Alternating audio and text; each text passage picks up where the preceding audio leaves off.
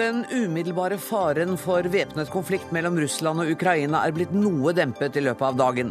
Likevel frykter ukrainsk general at kun ett skudd vil være nok til å utløse en ny storkrig. Terrortrusselen mot Norge er skjerpet. Den største trusselen kommer fra et islamistisk miljø på Østlandet, sier PST.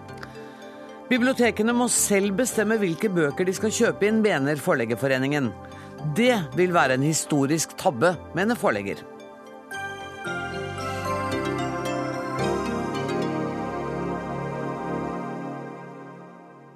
Dette er tirsdagsutgaven av Dagsnytt 18, der vi også skal høre at Trygve Slagsvold Vedum beskylder Venstre for å være mer opptatt av det politiske klima enn av det globale.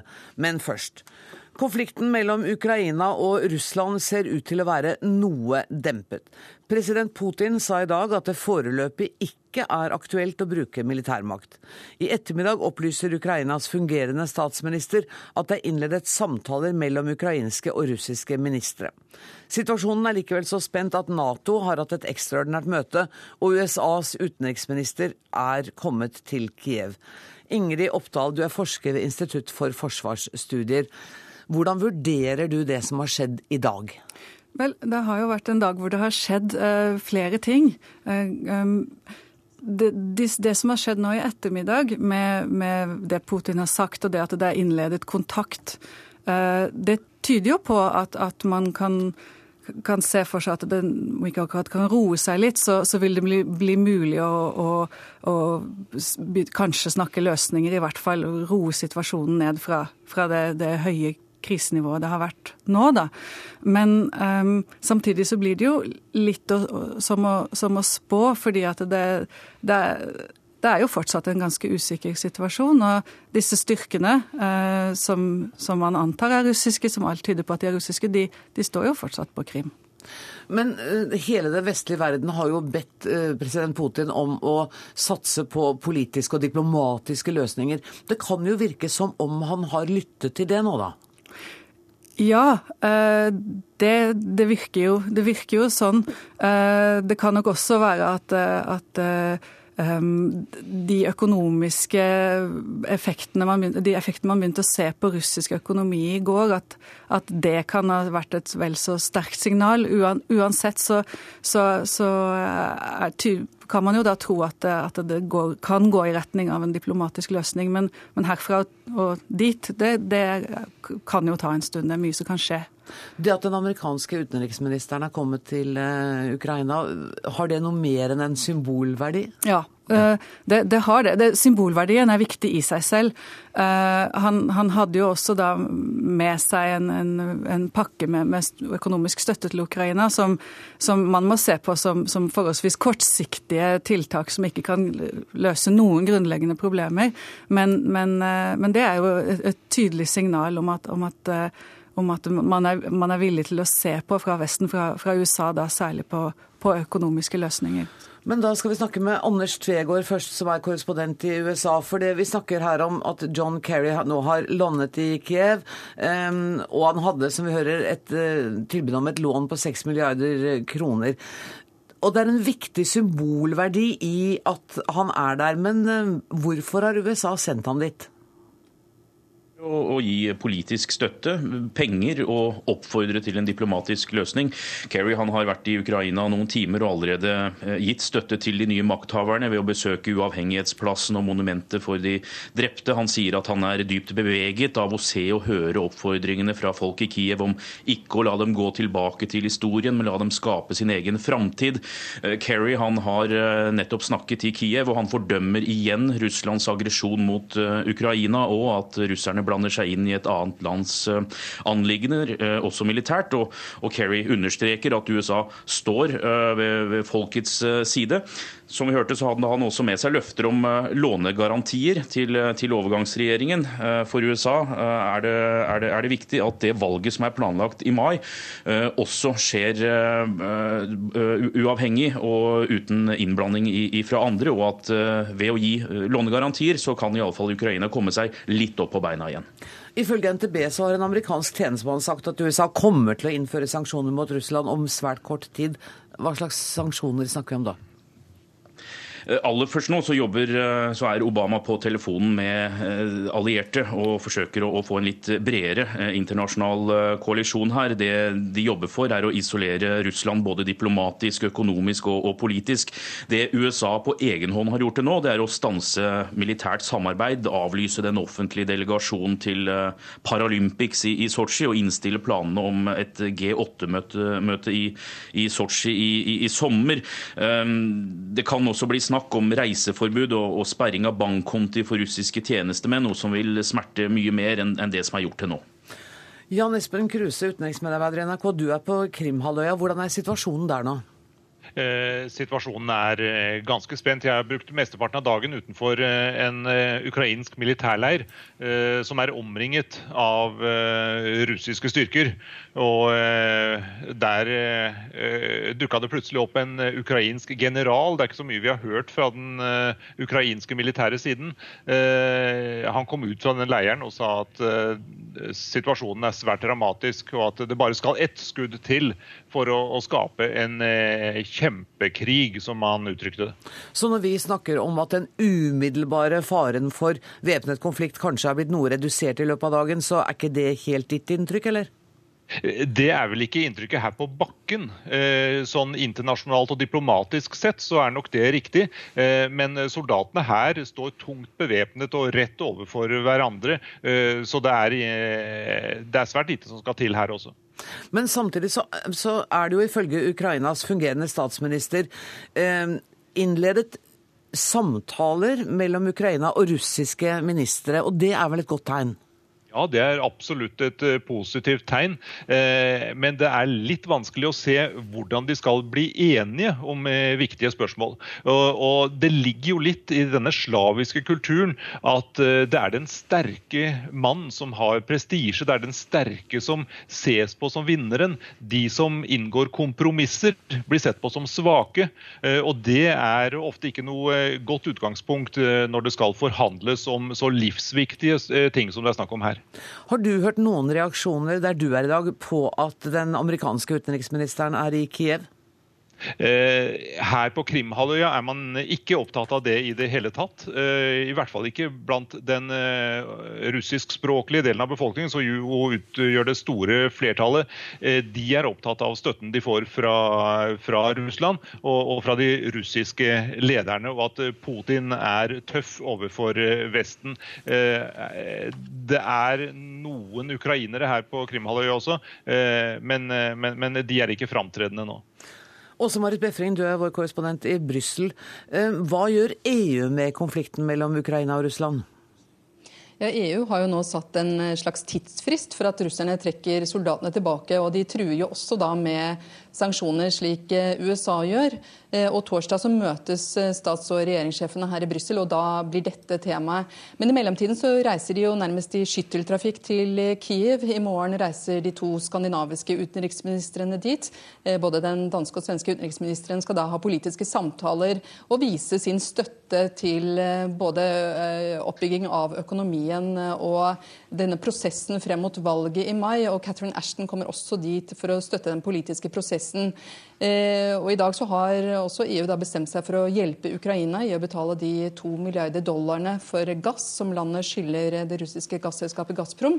Eh, det ble kjent rett etter at Gazprom da sa at det ikke lenger vil gi Ukraina rabatter på leveranser av gass.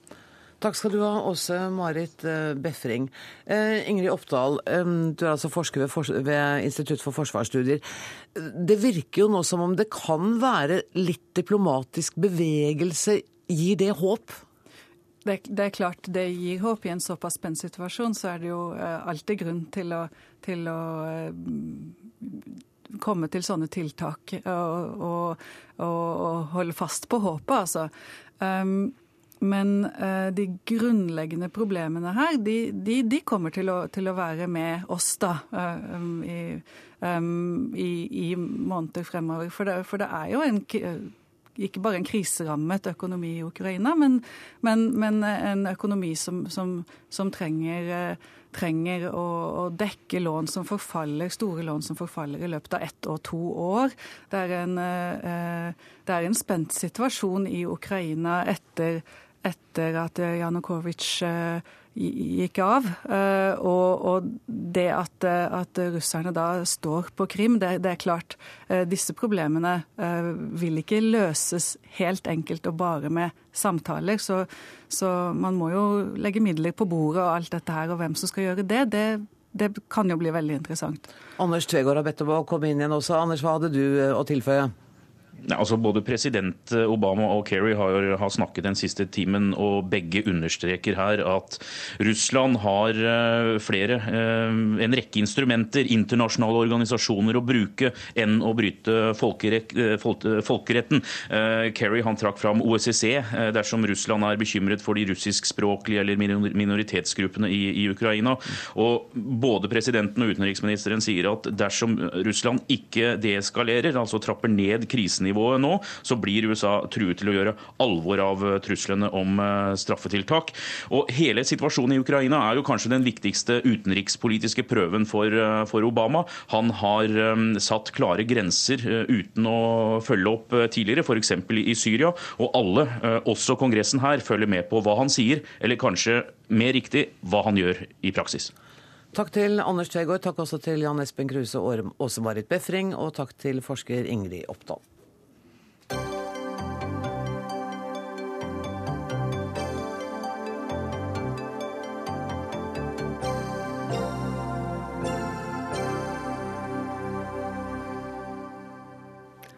I dag kom den åpne trusselvurderingen fra Politiets sikkerhetstjeneste.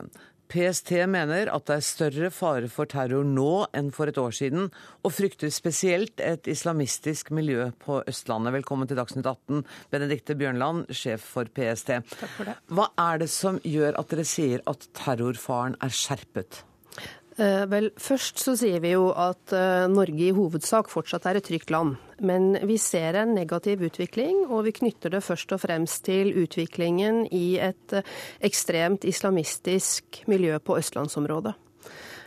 Som vi mener har hatt en operativ dreining, og det knytter vi først og fremst til reisevirksomheten til Syria. Vet dere noe om hvor mange mennesker det er snakk om? Ja, vi anslår at mellom 40 og 50 personer har dratt fra Norge til Syria. Eh, så antar vi også at det kan være mørketall. At det kan være personer som har dratt, som vi ikke har fanget opp, men som kan befinne seg i Syria nå. Dere sier også at det er multietniske miljøer. Hva legger dere i det? De har ulik etnisk bakgrunn, og det er også norske konvertitter blant disse. Er de norske konvertittene i flertall? Nei, de er ikke i flertall. Eh, burde samfunnet vært flinkere til å registrere dette før radikaliseringen har skjedd? Ja, Vi hadde jo ønsket oss en tydeligere innsats i førstelinjen ute i kommunene hvor disse personene bor. Og Da snakker vi om en økt og spisset innsats både fra barnevern, fra skoler, fra Nav, fra helsevesen. Eh, altså fra de lokale kommunene med lokalt politi og politiråd og SLT-struktur. Og Så vet vi at dette er vanskelig, mm. fordi at eh, det de vil nok oppleve ute i de lokale kommunene at de mangler et tydelig oppdrag. Og at de heller ikke har fått noen god verktøykasse stilt til disposisjon. Og så er det noe med at, jeg tenker at Grensen mellom en bekymringsmelding og angiveri kan i noen situasjoner være ganske tynn. Ja, og så tenker vi i en tidlig forebyggende fase så snakker ikke vi om at vi ønsker å bli tipset. Dette er arbeid som skal gjøres på grunnplanet ute i kommunene. Men først og fremst så skal man kunne arbeide systematisk mot enkeltindivider, så må man jo vite hva man skal gjøre. Og vi savner forskning. Eh, og vi savner eh, forskningsbidrag både fra Norge, men også en sammenstilling av det som foreligger internasjonalt, med tanke på hva virker og hva virker ikke. Foreligger det god internasjonal forskning på det? Er det Norge som sakker litt akterut på dette forskningsfeltet? Ja, vi, vi har nok ikke vært fremst i klassen i Norge når det gjelder forskning på hva er det som eh, bidrar til radikalisering, og hva virker for å forebygge forebygge radikalisering. Det er mer bidrag der ute i verden, eh, og spesielt i Europa. Så vi ønsker oss en sammenstilling. Eh, og så tror vi at når den nye handlingsplanen til regjeringen kommer, så vil det være drahjelp. Det vil være et oppdrag til kommunene, og det vil forhåpentligvis være en ganske håndfast verktøykasse. Slik skal vi gjøre det. Hvor lang tid gir du regjeringen på å komme med Nei, det, det, haster, for dette skjer mens vi snakker. Mm. Så det er der, når vi sier at uh, vi syns at uh, uh, det kunne vært gjort et bedre arbeid, så er det først og fremst i førstelinjen. Og det er ikke for å fordele skyld, men det er for å forhåpentligvis bidra til at dette får mer oppmerksomhet i fremtiden. Har du en sånn følelse av at dere jobber og jobber, og så bare vokser problemene? Ja, altså vi opplever jo at personer dukker opp på vår radar uten at de overhodet er fanget opp av det øvrige samfunnet. Så er det jo ikke altså Bildet er ikke eh, helt entydig. Det gjøres eh, det, er, det er enkelte eksempler på godt bidrag fra de lokale kommunene. Det er enkelte kommuner som jobber allerede nå ganske systematisk, men hovedinntrykket er at det ikke gjøres. I denne trusselvurderingen så tar dere også for dere de mer tradisjonelle ytterliggående høyregrupperingene og venstregrupperingene som vi har i Norge. Men dere sier at de er i hovedsak redusert til et ordensproblem? Ja, det sier vi.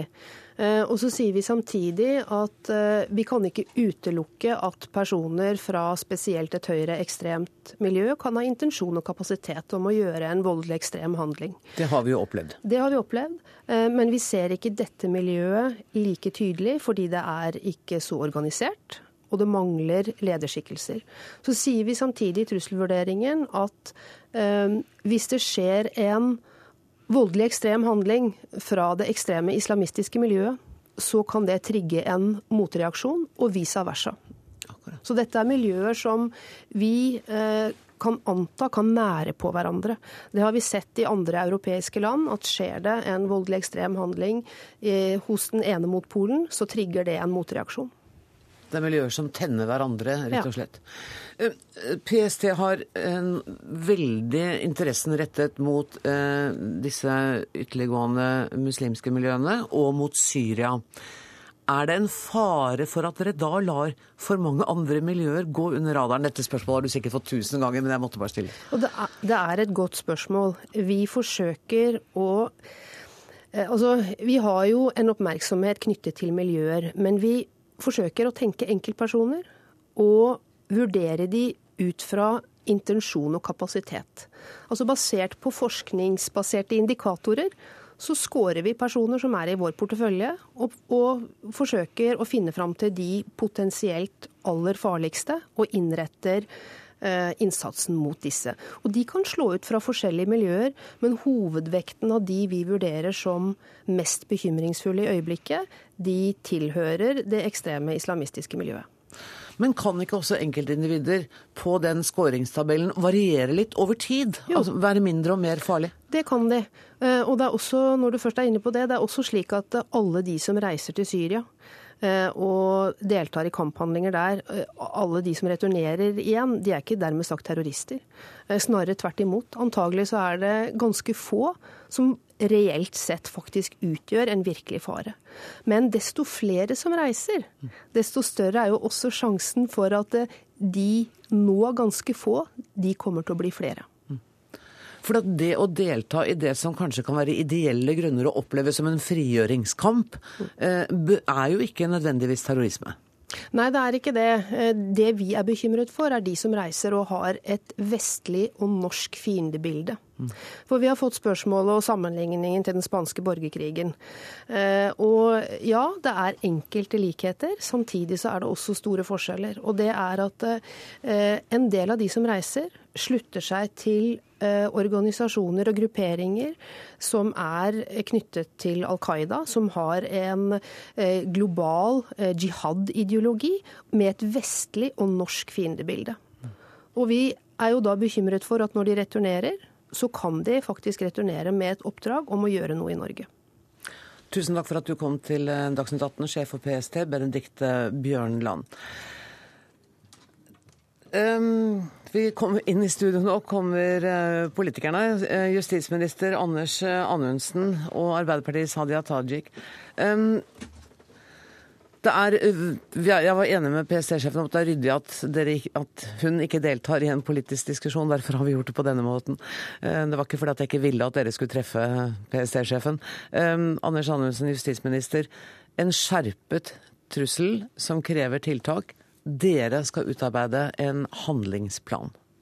Ja, Den krever jo tiltak på mange områder. Eh, et av områdene er det som handler om forebygging, altså forebyggingssporet. Eh, der jobber vi nå med en ny handlingsplan mot radikalisering og voldelig ekstremisme, som vil være et viktig grep.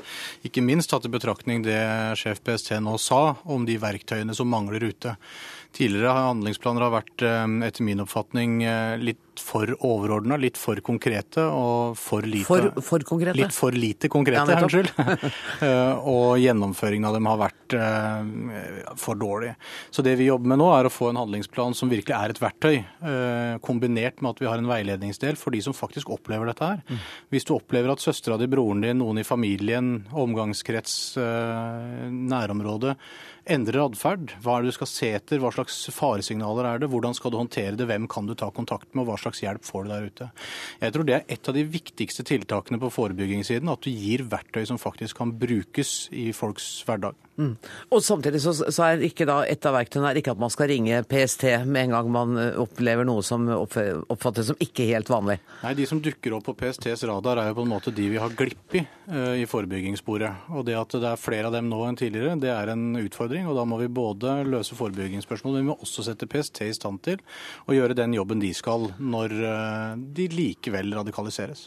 Samtidig så vil dere vel også unngå et overvåkingssamfunn. for Jeg hører jo liksom et snev av det. Man skal være veldig veldig oppmerksom på alle endringer hos venner, skolekamerater, familie, søsken. Altså, det, det blir jo litt overvåkingspreg, dette her. Egentlig ikke. Jeg er mer opptatt av at vi skal bry oss om hverandre enn med hverandre. Og de konsekvensene det har hvis du ender opp eh, med en eh, reiselyst til eh, Syria, det tror jeg det er ganske mange som ikke forstår før de faktisk står oppe i det. Og jeg tror sjef PST har veldig rett i at det er ikke alle som reiser til Syria som reiser dit for å delta i jihad og hellig krig eller i en kamp mot vestlige interesser. Eh, sånn at eh, det bildet er betydelig mer fragmentert. Men det at vi klarer å vise relevante alternativer mm.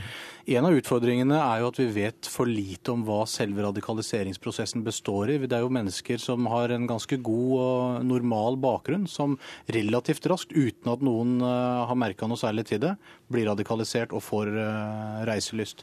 Den typen utfordringer er vi nødt til å se nærmere på. Så vi må både forske mer, vi må forebygge mye bedre, og vi må sette PST i stand til å gjøre den jobben de skal gjøre.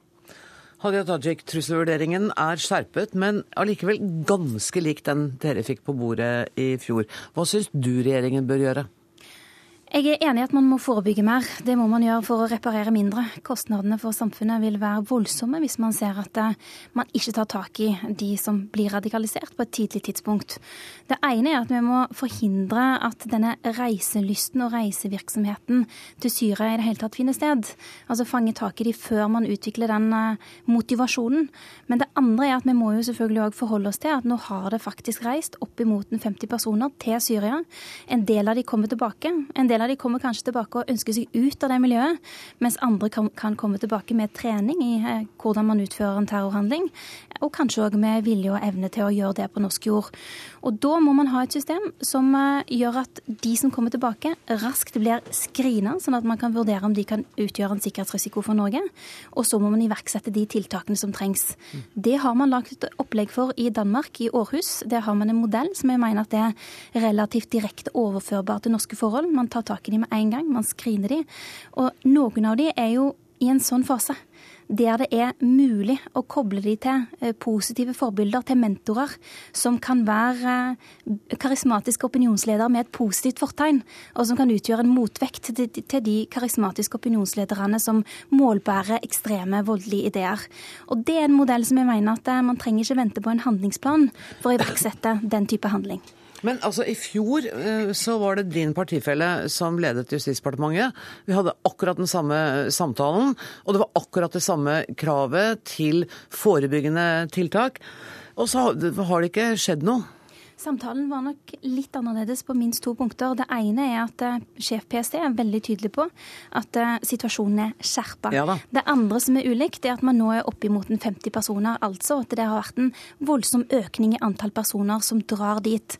Men det forebyggende arbeidet ble det pekt på også i fjor, som et behov? Forebyggende arbeid er viktig, og nettopp derfor så var det den forrige regjeringen som la fram den første handlingsplanen mot radikalisering og voldelig ekstremisme. Den la et viktig grunnlag. Den situasjonen situasjonen som vi nå ser, der det er unge nordmenn som eh, forholdsvis organisert drar til Syria, og en del av dem med den ideen at de skal drive jihad i Syria, det er en relativt ny situasjon. Århusmodellen, er det noe dere kan satse på? ja, Det er en av de tingene som, vi, eh, som har mye bra ved seg. Det er en del tiltak også i Norge som ligner på det de gjør i Århus. Eh, så vi får med oss en del av det arbeidet som gjøres ikke bare i Danmark, men også andre, andre land. Men jeg mener i motsetning til Tajik at eh, litt av problemet her var den forrige handlingsplanen, nettopp fordi den var for lite konkret. Den hadde ikke de verktøyene i verktøykassa som sjef PST nevnte her, som er nødvendig for å drive en aktiv forebygging. Det kunne man gjort noe noe med eh, i den forrige regjeringa hvis man ønsket det. Eh, nå gjør vi om hele denne handlingsplanen nettopp med sikte på å gjøre den mer konkret, handlekraftig og prøve å identifisere hvor forbedringspotensialet er størst. Og Da hører jeg jo at dere er jo enige om både at forebyggende arbeid er viktig, og til dels om hvilke tiltak som skal settes i gang. Så da er du egentlig ganske fornøyd, eh, Hadia Tajik? Hvor fornøyd er jeg? Det får vi jo se når handlingsplanen kommer. Når kommer den? Den kommer før sommeren. Da får vi vente i spenning, da. Men jeg mener jo at vi må, i tillegg til å komme med en handlingsplan som eh, vil eh, inneholde flere tiltak, eh, regner jeg med, på flere områder, så er det jo viktig å huske at den situasjonen som vi står i, den står vi akkurat nå. Og det bør ikke være nødvendig å vente nå flere måneder med å iverksette de lokale tiltakene. For det kommer syriafarere hjem til norske kommuner den dag i dag, og da må man utstyre de kommunene med de verktøyene som de trenger for å håndtere en situasjon som de ikke har stått i før. Der er det jo gjort en jobb allerede i forhold til at kommunene kommunene nå skal få beskjed fra PST når PST er kjent med at det er hjemreisende fra Syria som lander i deres kommune, sånn at kommunene kan sette i gang et arbeid. I tillegg så er denne handlingsplanen da et veldig bredt stykke arbeid hvor mange departementer er involvert, mange fagmiljøer som er involvert, og jeg er overbevist om at det gir gode verktøy for kommunene fremover. Vi er mange som gleder oss til å diskutere det. Ja, det er ti sekunder. Ja, fordi Jeg er veldig glad for at kommunene nå får beskjed fra PST. Ja. Men i tillegg til å vite at de kan stå overfor en sikkerhetsrisiko, så må de få de verktøyene de trenger for å håndtere den risikoen. Der gjentok du det du har sagt før. Ja, men det er akkurat der justisministeren heller ikke har kommet med de verktøyene som trengs. Vi møtes igjen her før sommeren, kan vi garantere det. Takk skal dere ha for at dere kom, Hadia Tajik og Anders Anundsen.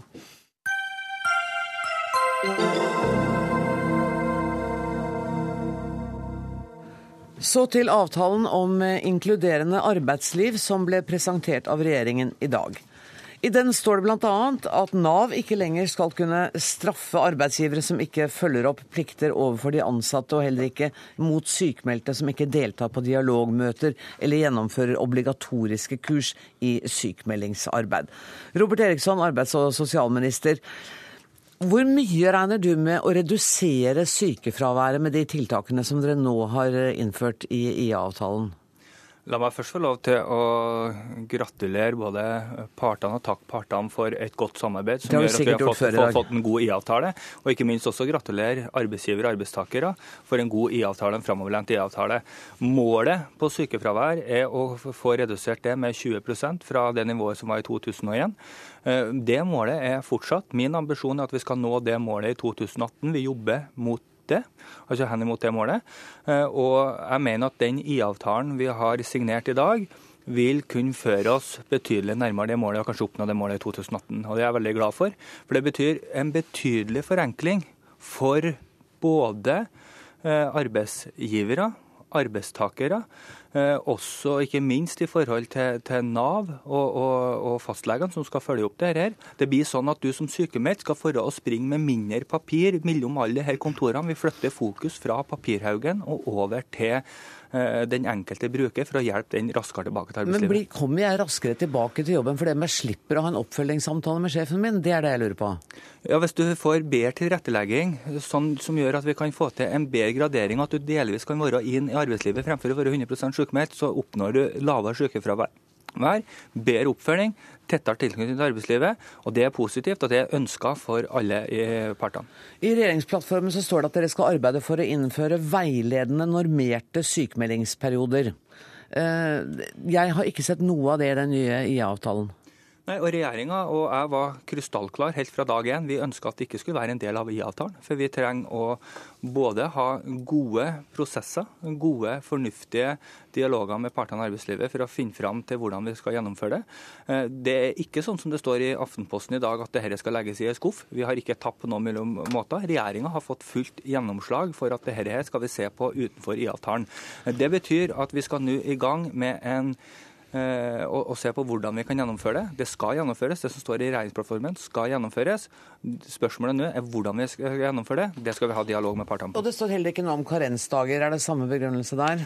Ja, men altså, Sykelønnsordninga har både Høyre og Fremskrittspartiet sine program ligger fast. Det står i regjeringsplattformen at sykelønnsordninga ligger fast. Det bør ikke være noen stor overraskelse for noen i det norske samfunnet at sykelønnsordninga står fast. Det har vi gått til valg på, eh, og den ligger fortsatt fast. Lars Erik Sletner, du er administrerende direktør i Bedriftsforbundet. Hvordan ser du på den avtalen som er inngått i dag? Det jeg ser, det er at eh, det er to positive ting. Og det er at uh, rapporteringsbyrden for små og mellomstore bedrifter vil falle. Og det samme vil dette bøteregimet som partene innførte i 2011. Det er vi veldig glad for at reverseres. Men samtidig så mangler denne avtalen viktige tiltak for å adressere en større nedgang i sykefraværet. Og dessverre så ser vi at innføring f.eks. av karensdag, som eh, vi mener er, er, riktig, ikke diskuteres i det hele tatt.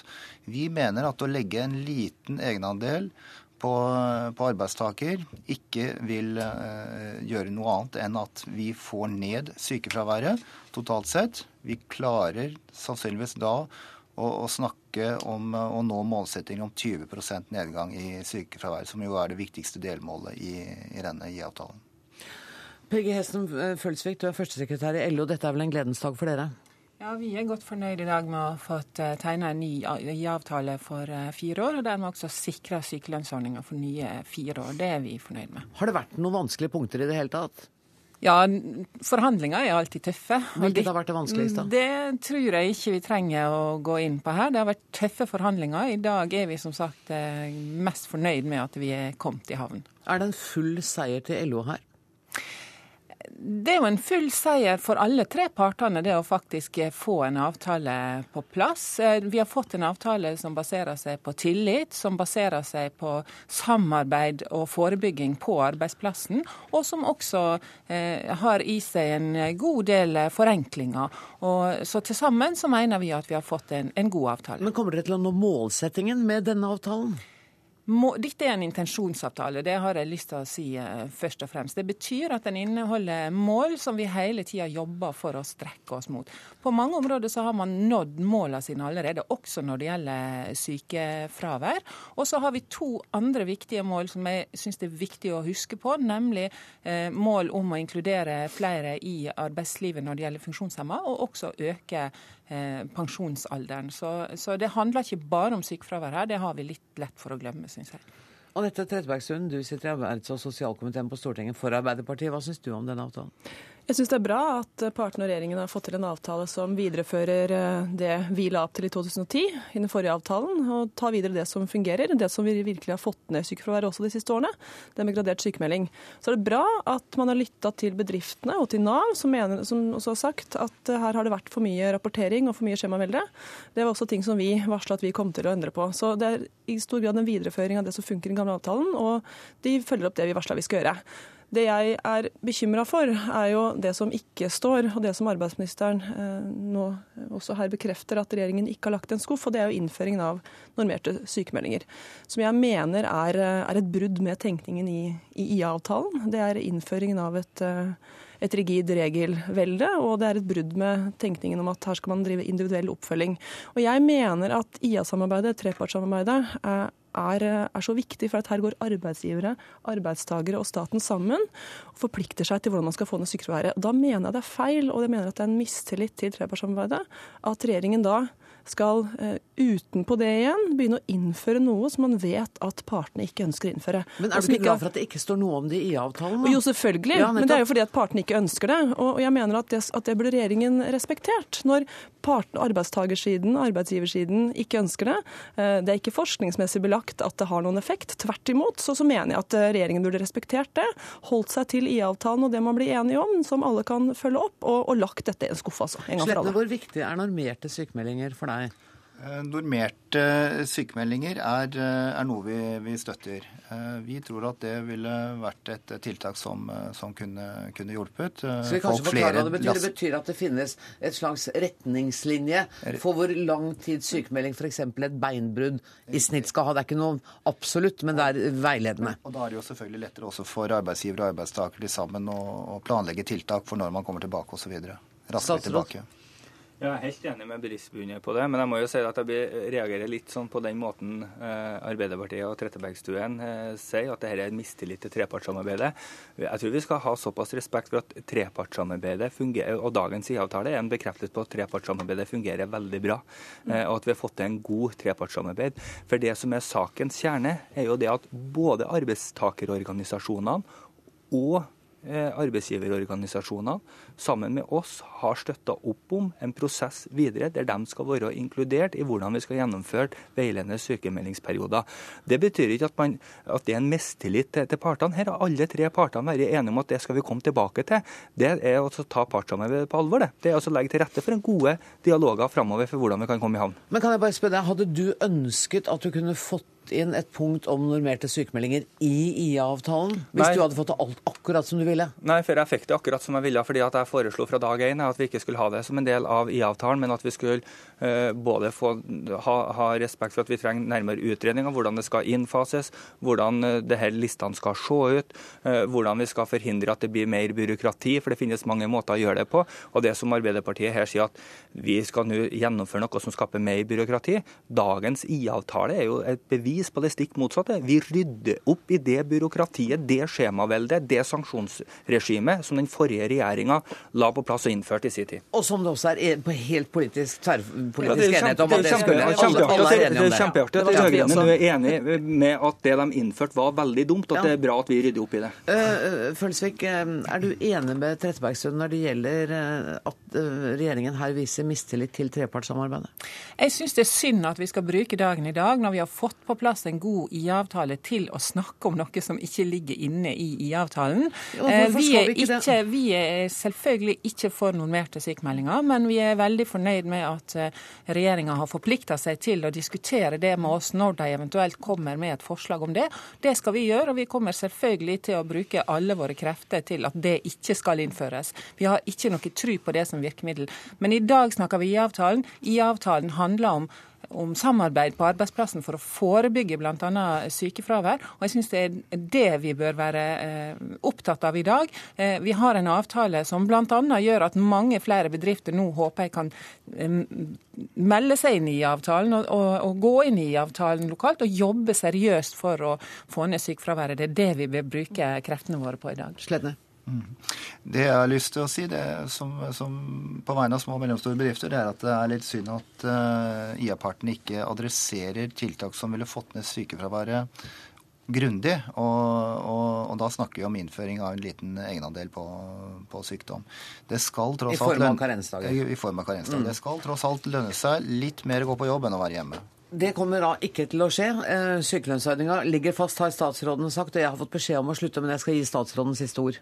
Ja, og Det som er viktig med den nye avtalen, det handler ikke bare om sykefraværet. Det er et veldig viktig punkt, men det handler også om å klare oss å lykkes med å få flere som i dag står i fare for å dette ut av arbeidslivet, til å komme inn i arbeidslivet, og de som står utenfor arbeidslivet, å få dem inn i arbeidslivet. Der har vi alle tre partene forplikta oss. Vi har kommet med mer konkrete virkemidler på det området for å lykkes, og det er jeg veldig glad for. Der fikk statsråden gjentatt sitt hovedbudskap. Tusen takk for at dere kom, Robert Eriksson, Peggy Hessen Følsvik, Anette Trettebergstuen og Lars Erik Sletner. Inn i studio nå kommer politisk kommentator her i NRK, Magnus eh, Takvam. Um, Bedriftsforbundet etterlyser hardere lut, eh, Magnus, men eh, karensdag Nå var statsråden helt tydelig på at det kommer ikke til å bli innført. Nei, og det er klart at hele forhistorien til denne IA-avtalen den har jo som premiss at den er eh, et alternativ til å redusere ytelsene i, i eh, sykelønnsordningen. Eh, så istedenfor å gjøre det, som jo var på den politiske dagsordenen i 2001 osv., så, videre, så ble man da enige om dette opplegget for som en alternativ vei til å få ned sykefraværet. Sånn at rører du på, på den eh, brikken, så faller hele, hele, pakken sammen. Er avtalen eh, en så stor seier for LO som de sjøl hevder? Vel, Nå sa hun vel at eh, det var flere seire her. Ja. og det er, det er, klart at det er veldig sånn konsensusorientert. Dette er Alle arbeidstaker- og arbeidsgiverorganisasjoner er enige om, om uh, avtalen. Og så har man da, som, som, dere har vært inne på, tatt ut de kontroversielle delene av Høyre-Frp-regjeringens plattform på dette området. og det, Da blir det jo en omkamp eh, om det, når, uh, når, regjeringen i sin tid etter hvert blir ferdig med å, å utarbeide forslagene. Så her har, her har, man blitt enige om et minste felles multiplum i første omgang. Og spørsmålet om normerte sykemeldinger kommer til å komme opp igjen. Det sa han jo, men, han, men da var LO fornøyd med at da har statsråden sagt seg villig til å snakke med eh, arbeidstakerorganisasjonene. Ja, og så, så altså, Det vanlige i den typen eh, saker som berører eh, ja, eh, sykelønn, inkludering i arbeidslivet og sånn, er å, å, ha konsensustilnærming. Altså ikke konfrontere at en regjering da liksom presser gjennom et, med et knapt flertall i Stortinget ordninger som, som uh, store deler av arbeidslivet er imot. Så vi får vente og se. Det kan jo også hende at den ordningen de etter hvert kommer fram til, blir såpass moderert og utvannet at den ikke skaper den helt store stormen. Uh, men i første omgang så har man da altså, som sagt, uh, satt det på venteliste. Takk for at du kom i studio, Magnus Takvam.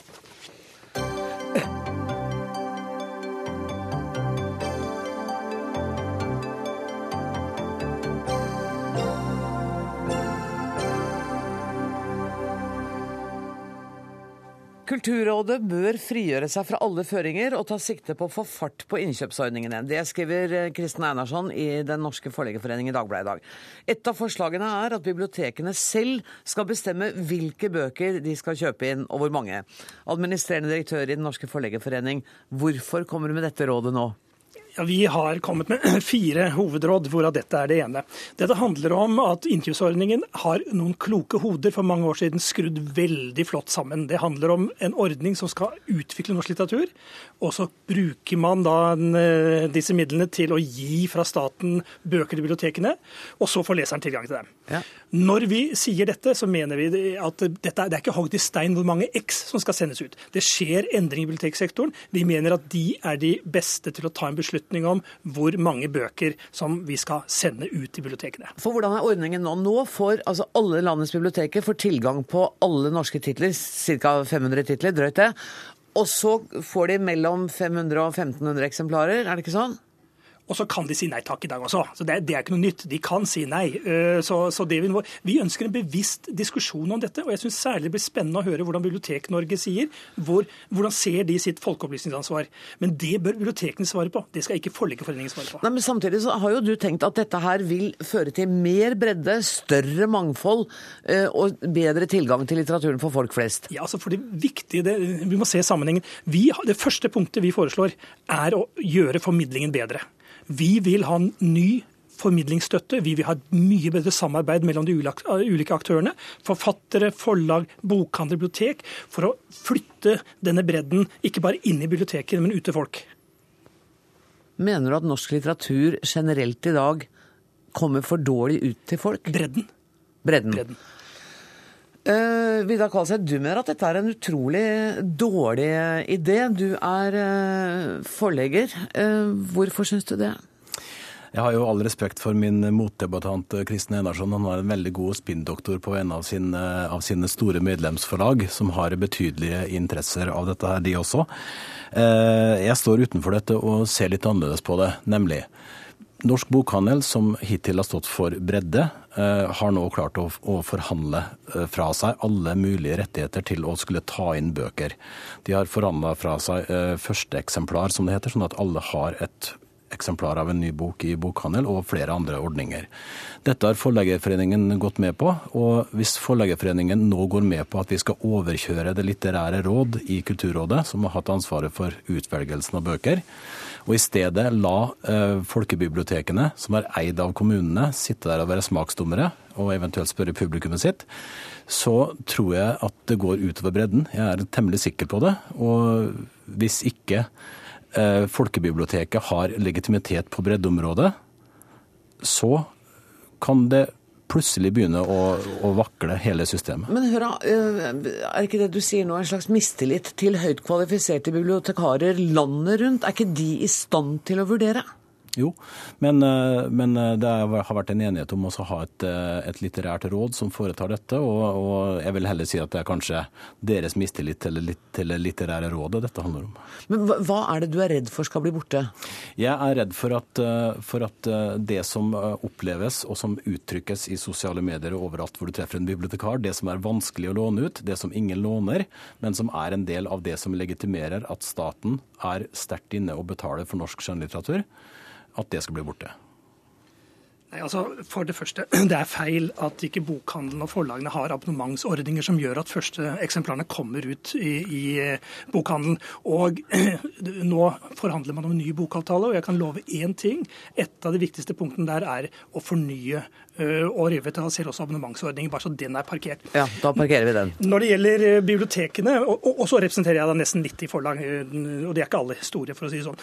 Når det gjelder bibliotekene, så, så tror jeg det viktigste vi snakker om her, det er at det er færre enheter der ute og enn det var tidligere på biblioteksiden. Så det er naturlig å se over hva er et riktig antall. For det Ingen av oss har godt av at det kommer for mange eksemplarer av en tittel som bibliotekaren står frem i avisen og sier dette er bortkasta penger. Vi ser at enkelte politikere kaster seg på det. Så, så det, er, det, det, er, den viktigste grunnen. Det er ingen som skal faglig overprøve Kulturrådet. De skal bedømme kvaliteten, men så må bibliotekene kunne få bestemme hva de skal ha i bibliotekene sine. Dette er gratis. Jeg er helt overbevist om at de aller fleste biblioteker vil da gjerne ha gratis bøker, og jeg vet at de aller fleste i sitt hjerte vil være folkeopplysende de vil ta en bredde. Så la oss se hvordan det gjøres i praksis. Jeg tror ikke vi behøver å være redd for dette. Jeg stoler på norske bibliotekarer. Du tror ikke at vi alle kommer til å ende opp bare med å få tilbud om å lese Jo Nesbø? Nei. Jeg stoler også veldig på norske bibliotekarer, men jeg er ikke uten videre villig til å være med på et sånt eksperiment eh, der eh, lånere kommer med ønsker, bibliotekarer formidler videre, og så blir det fortsatt bestselgerfokuset. For vi ser hvordan det har blitt i butikk. Der er det ransler, Viskelar, Jo Nesbø i stabler og drikkeflasker og alt mulig annet enn breddebøker. Ikke et vondt ord sagt om Jo Nesbø, nå vi nevnt ham to ganger. Overhodet ikke. Eh, men, men, er du litt sånn gammeldags og stabeisete når du sier at nei, vi må ha den ordningen vi har, for da sikrer vi alle de små. Mens nei, verden går videre, og det er Som du ser, så har jeg tatt på meg Håkon Lie-skjorta i dag. Fordi, fordi, noen må jo på en måte stå opp for den fellesskapsløsninga som biblioteket eh, tross alt er. Og det handler om et, eh, om et lavterskel gratistilbud, men det handler også om at det er eh, eid av kommunene og i all hovedsak betalt av staten. Og da skal, skal det være et solid system som, som ikke går etter bestselgerne. Kristian Einarsson, helt kort til slutt. Tror du at du kommer til å få gjennomslag for disse forslagene? Nei, men hør, Dette er innspill til en stor utredning som skal gjøres av Kulturrådet. Dette er gode forslag. Jeg tror det er klokt å se på nye forslag med nye øyne, og ikke bare ta på seg Håken Lie-skjorta. Og så kommer vi og ender opp med en veldig god konklusjon, tror jeg. Tusen takk for at dere kom til Dagsnytt 18, Vidar Kvalsheim og Kristin Einarsson.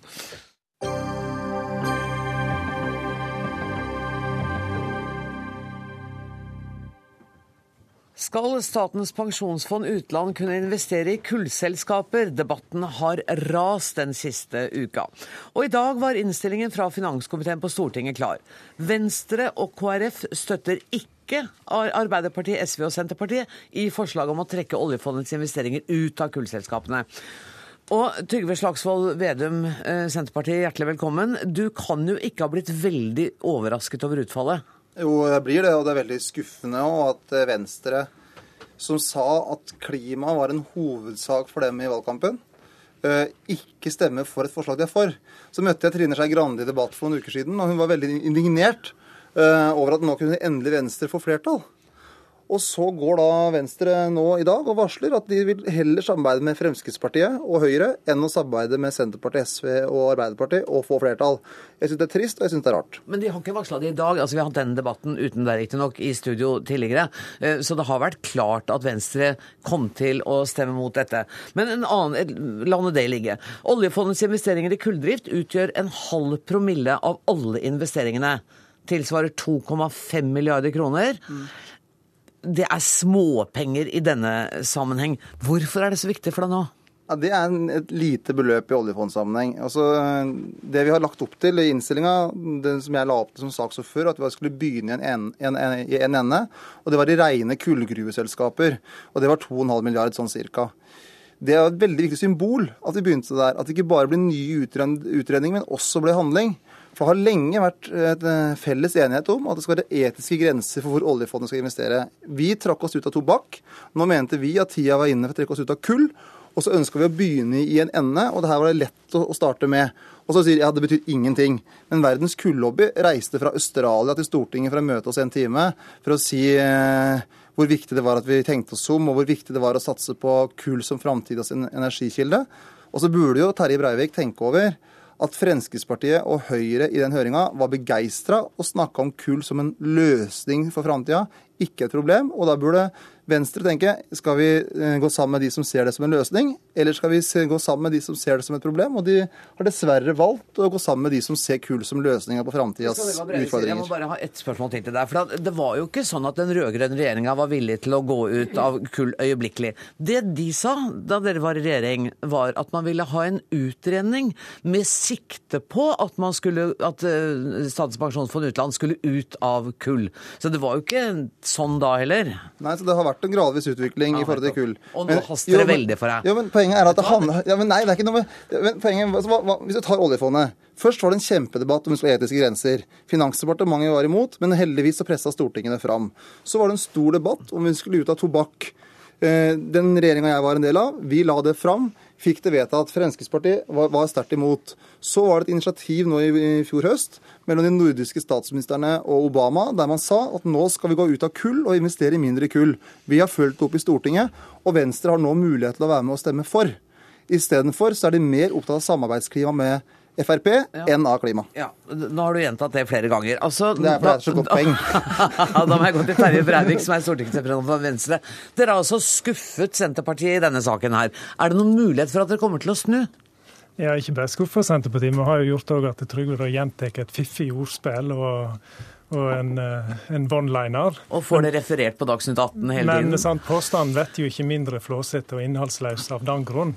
Sant, for det vi, har, det vi, har, gjort, Venstre har gjort sammen med KrF og regjeringspartiene, det er å sikre et flertall i Stortinget for et vedtak som går langt utenpå det Arbeiderpartiet og som Trygve Slagsvold nå snakker om med stor entusiasme. Nå får vi ikke bare i utgreiing av uttrekk av kål, men får i uttrekk av, ut, eh, av resten av fossil energi, altså olje og gass. Og vi får ikke bare i vurdering vurdering av den klimamessige risikoen, men òg den finansielle risikoen, som ikke minst er viktig. De to tingene henger tett i sammen. Så, altså, på den andre sida er det jo veldig hyggelig å konstatere at nå både Senterpartiet og Arbeiderpartiet nå er med på å sikre et flertall for noe som de senest 19.12. stemte imot. Så det, det er veldig bra. Men det som Jeg anbefaler folk, anbefaler folk til å gå inn og lese det vedtaket. For det er ingen tvil om at det vedtaket som Venstre har fått til sammen med Fremskrittspartiet, er det vi kaller et svært dårlig kompromiss. For Fremskrittspartiet er entusiastiske tilhengere. Det er ullent, det er uklart, og det skal veie på den ene og den andre måten. Og det har ingen klar klimaretning. Og det som er, Selv om Terje Breivik prøver å liksom slå meg litt bort med å si at det er et fiffig ordspill, men det er jo sant. For dere kunne ha valgt nå og sagt jo, vi stemmer for den utredninga. Det vil også Arbeiderpartiet gjøre, og vi i Senterpartiet kommer til å gjøre det. Stemmer for den utredninga. Men når de driver og utreder, så kunne vi ha starta med å handle. Eh, og vi kunne ha uten noen risiko solgt oss ut av kullselskaper nå. Eh, og så kunne den utredninga gått. Og så veit vi når det er Fremskrittspartiet som sitter i ledelsen av det arbeidet, at det er stor sannsynlighet for at den kommer til å komme med 100 motforestillinger, og kanskje én forestilling for. Nå må vi høre med nestleder i Miljøstiftelsen, Zero Kari Elisabeth Kaski. Oljefondets investeringer i kullselskaper utgjør altså en liten del av totalen. Um, men dere syns også dette er viktig? Ja, vi syns det er veldig viktig. Er det eh, synd at Venstre ikke snur, da? Altså, Vi skulle jo gjerne sett at man nå, sånn som man jo helt fint kan selger seg ut av kull allerede i dag. Eh, og det er jo synd at et politisk spill kommer i veien for å gjennomføre en politikk som det egentlig er flertall på Stortinget for. Men så er jo de politiske realitetene sånn som de er, eh, og vi er positiv til den utredninga. Vi syns det er bra at man skal se på uttrekk av mer enn bare kull, men også olje og gass. Eh, og at man også vil utrede hvordan det her skal gjøres helt konkret. Så dere sier ja takk, begge deler. Dere vil både støtte eh, Slagsvold Vedum, som vil ut av kull nå, og ha en utredning om å komme videre? Ja, man skal ikke undervurdere hvor viktig det å trekke seg ut av kull er nå. Eh, selv om det er en liten andel av oljefondet sine investeringer, så vil det ha en utrolig stor signaleffekt. Oljefondet er i realiteten en slags bjellesau for veldig mange andre fond rundt omkring i verden som følger med på hva det norske oljefondet gjør.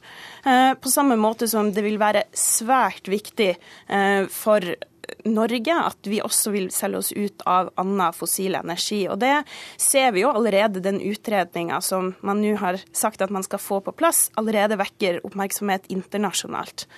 Men Breivik, hadde det vært umulig å få til begge deler? Hadde det vært umulig, virkelig umulig å få til at man trakk seg ut av kull nå, og så fikk en større utredning?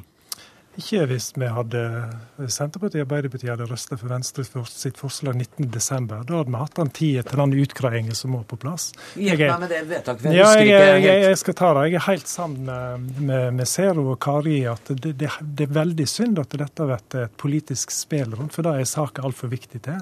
Venstre har ikke spilt i det hele tatt. Vi, har, vi går nå på et forslag som er tilnærmet identisk, sågar går lenger enn det vi foreslo i Stortinget 19.12. 19. Eh, og når Slagsvold Veum sier at dette blir nærmest i sånn Eh, betydningsløs utgreiing. Den store forskjellen på, på, det som Arbeiderpartiet foreslår, nå, nå er ikke det en utgreiing som skal gjøres av regjeringen, det er en utgreiing som skal gjøres av et uhilda ekspertutvalg, som kommer tilbake igjen til Stortinget i samband med stortingsmeldingen i 2015.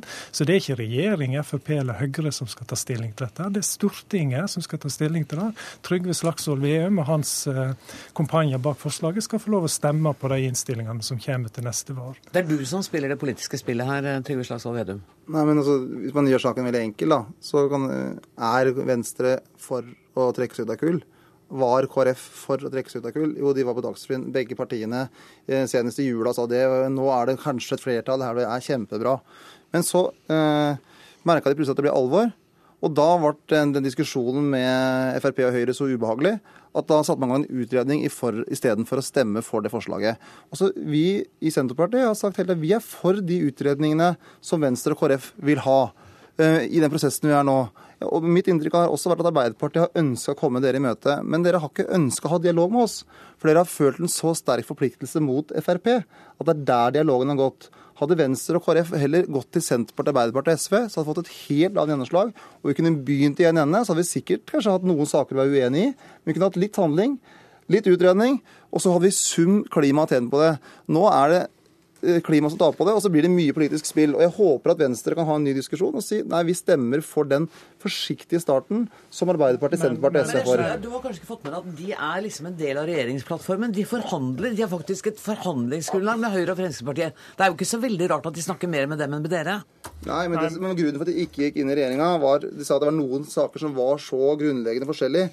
Og en av de sakene som jeg trodde var grunnleggende forskjellig, var nettopp klima. Forrige uke så var det et asylkompromiss som var nesten umulig å forstå.